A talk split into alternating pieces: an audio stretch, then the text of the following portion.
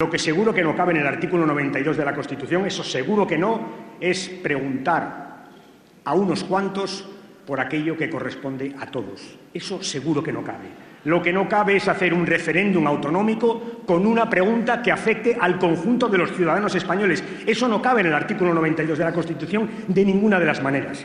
Y eso es justamente, señorías, lo que se pretende hacer aquí en la proposición de ley. Y para demostrarlo, voy a volver a leer el preámbulo de esa proposición. Verán, cito textualmente lo que dice la proposición de ley. Dice, en un momento del preámbulo, casi al final, dice, todo ello teniendo en cuenta que un resultado favorable en el referéndum debe tener como consecuencia, por exigencia del principio democrático, que la voluntad expresada en las urnas obligue a un determinado comportamiento político del Estado y de la Generalidad, a saber, el de negociar de forma leal y sin dilaciones el proceso a seguir para convertir en realidad jurídica aquella voluntad.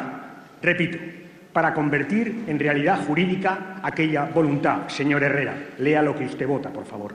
Para convertir en realidad jurídica aquella voluntad. Y este es el problema de fondo.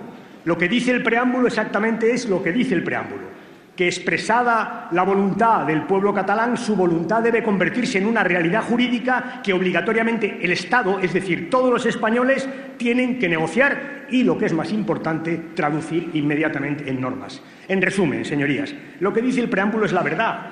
Lo que dice el preámbulo es que de lo que se está votando, de lo que se está hablando es de un cambio de la Constitución, que claro, naturalmente que afecta al conjunto de los españoles. Claro que sí.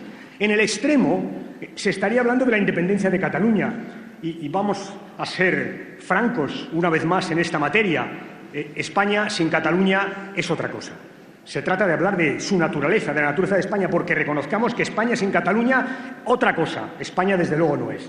Por tanto, claro que estamos hablando de, algo que afecta a todos los ciudadanos. Y este es el asunto jurídico más sencillo de entender. Por tanto, señores comisionados del Parlamento de Cataluña, vamos a votar que no pero por una razón muy sencilla, porque ustedes nos piden que el Estado transfiera una competencia que sencillamente no tiene y que no tiene porque en el marco de la Constitución ni el Estado ni nadie puede convocar un referéndum autonómico sobre un tema que afecta al conjunto de los ciudadanos españoles. Esa es la realidad.